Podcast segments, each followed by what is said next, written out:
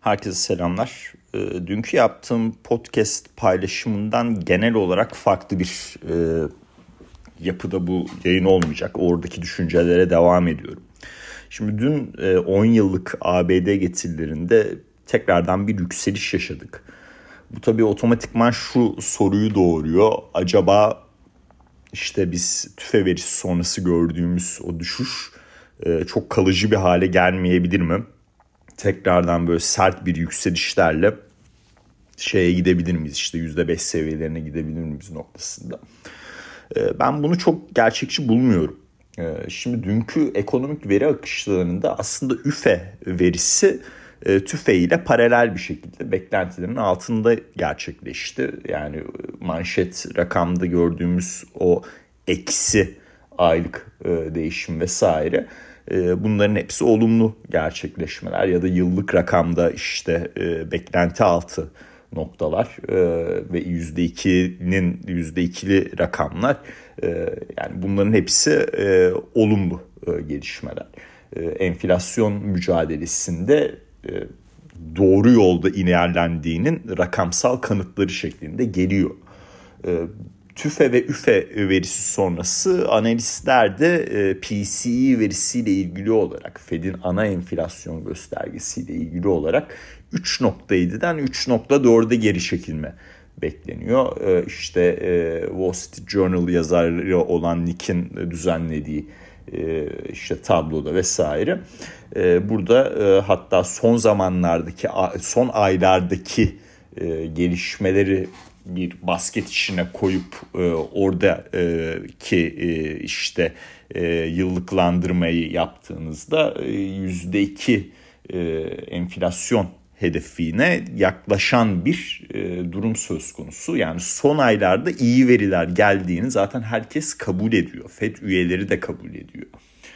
Hedefte olmadığını da herkes görüyor. Ama bu para politikası e, tabii e, gecikmeli işleyen e, birçok farklı e, faktörün içinde bulunduğu bir yapı olduğu için siz eğer hedefe gittiğiniz an faiz artışlarını durdurursanız e, ekonomide ciddi problemler yaratabilirsiniz. Bunu önceden yapmanız lazım. Keza işte aynı şey aslında enf, e, enflasyonun yükseldiği zamanlarda e, sıkılaşma e, dönemlerinde de e, işte e, daha önceden harekete geçme e, şeklinde düşünülebilir. Mesela e, Powell'ın e, bence en büyük yanlışlarından biri e, yani 3 tane majör yanlışı oldu bu sıkılaşma döngüsünde. En büyük yanlışlarından biri Kasım 2021'de alınan Ekim 2021 e, işte tüfe verisi sonrası e, faiz artışı yapmak için e, 2022 Mart ayına Mart ayına kadar beklemesi. Burada geçen süre e, maalesef e, çok olumlu işlemedi. E, keza orada bir de şey de vardı zaten biliyorsunuz. E, 2022 Şubat ayında e, Avrupa'da savaşla e, çıktı. E, tabii bu da e, denklemi e, değiştirdi e, açıkçası. Şimdi bu e, yapıda e, ben açıkçası e, enflasyon tarafının gidişatından memnunum ve e, higher for longer'a inanmamaya devam ediyorum. E, tabii dün perakende satışlar verisine baktığımız zaman şu yorumlar da vardı. Eksi 0.3 bekleniyordu, eksi 0.1 geldi. Dolayısıyla gördünüz mü e, işte enflasyon yüksek kalmaya devam edebilir. Bu, o perakende satışlar verisinde şunu bir hesaba katmamız lazım. Bunlar enflasyonu e, ayarlanmış rakamlar değil. E, yani sadece enflasyonla bile satış miktarları artabilir. Dolayısıyla burada e, kontrol grubuna vesaire de baktığımız zaman e, yani tüketim tarafında böyle inanılmaz iyi bir gidişat yok ama çok çok kötü bir gidiş, gidişat da yok. E, bu da olumlu. Birdenbire bir e, çökme yaşamasındansa yavaş yavaş böyle azalmaya devam etmesi hisse piyasası açısından da olumlu olur diye düşünüyorum. E, tabii bu gelişmeler özellikle perakende satışlar verisi daha sonra işte e, San Francisco Fed Başkanı'nın bir açıklaması oldu. E, erken bir zafer ilan etmemeliyiz şeklinde.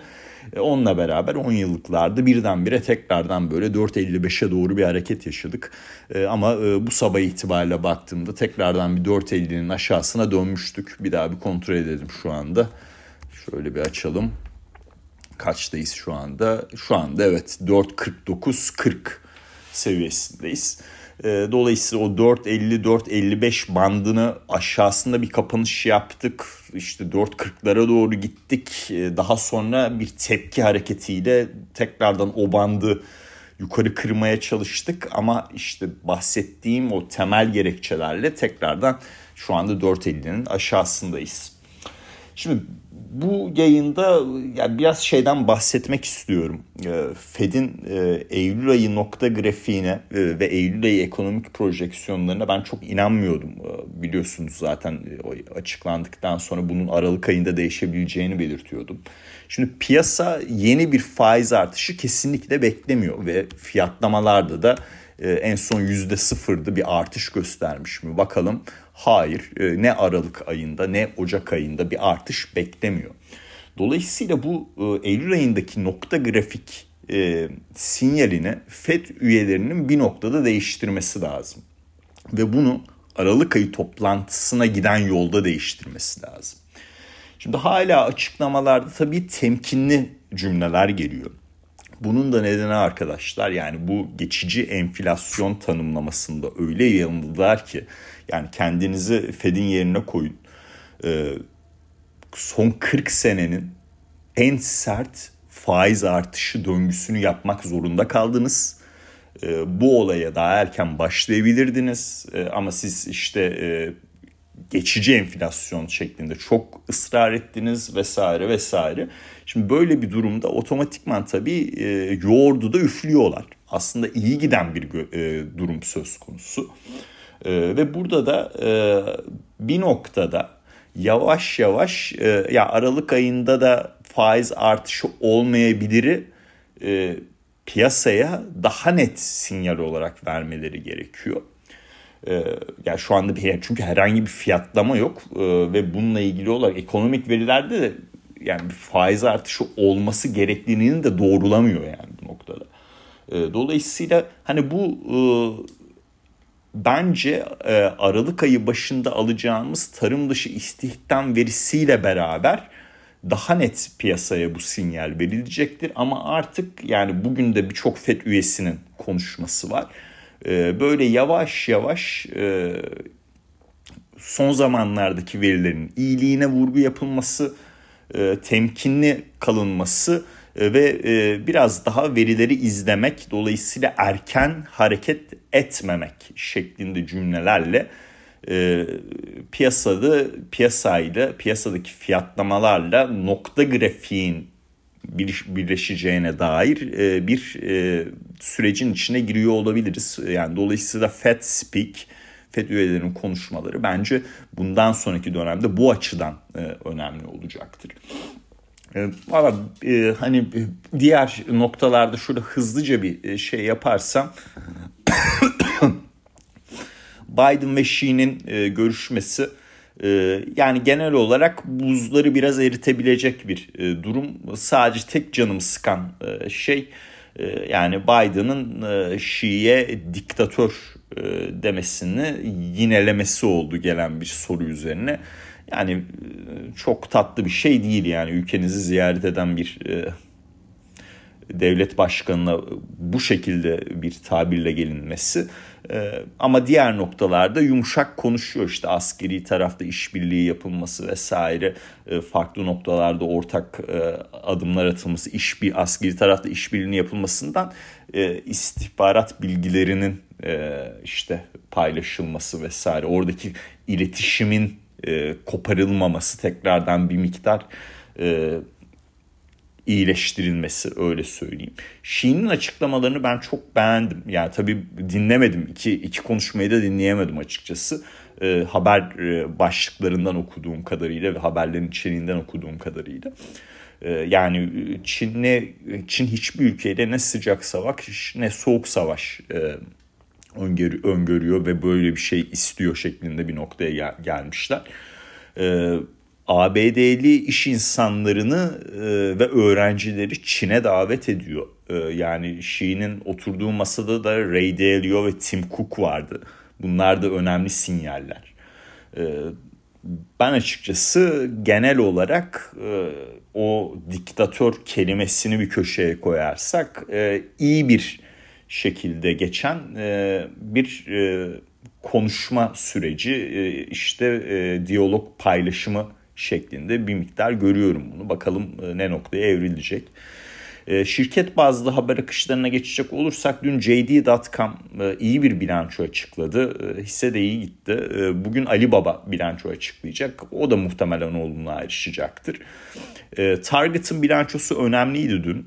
Yani şimdi perakende sektöründe iyi giden isimler oldu, kötü giden isimler oldu. Target kötü gidenlerden biriydi. %25 düşüş göstermişti sene başından beri. Orada bir toparlanma bilanço sonrası yaşandı. Bunun üzerine ben Macy's ile ilgili hızlı bir işten fikri paylaştım. Macy's de e, dün e, sağ olsun iyi bir şekilde hareket etti açılış sonrası. %7,5 artı kapattı. Bugün seans öncesi alacağımız bilanço sonrası da e, ben e, primli bir açılış bekliyorum. E, bakalım gerçekleşecek mi hep beraber göreceğiz. E, seans sonrası gelen bilançolar tarafında Palo Alto Networks ve Cisco Systems önemliydi. Yani Cisco'yu böyle çok aşırı yakından takip etmiyorum. E, ama bir miktar dördüncü çeyreğe dair görünümü piyasa beğenmemiş ve hisseyi satmış. Palo Alto Networks yani üçüncü çeyrek rakamları gerçekten iyi. Ee, yani bu siber güvenlik tarafında zaten biliyorsunuz yani üçüncü çeyrekte çok iyi rakamlar aldık. Ee, dördüncü çeyreğe dair billing dediğimiz bir şey var. Ee, yani siz işte sales cycle uzun şirketlerde bakılan farklı bir e, metrik. Sales cycle nedir? E, sizin ürününüz e, işte uzun vadeli e, bazı üyelikler e, içeriyorsa e, o zaman e, sales cycle'ınız yani e,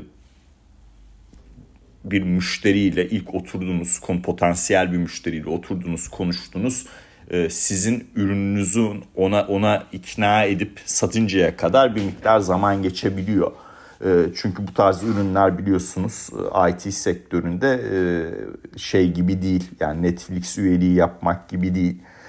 Bir süreçler gerekiyor, onay mekanizmaları gerekiyor vesaire. Sales cycle biraz yüksek olabiliyor. Dolayısıyla orada bakılan bir metrik var. O metrikte işte piyasa çok e, memnun kalmamış. E, ben yani hisse çok iyi gitti bu sene. E, dolayısıyla orada bir, bir düzeltme gelmesi kötü bir şey değil.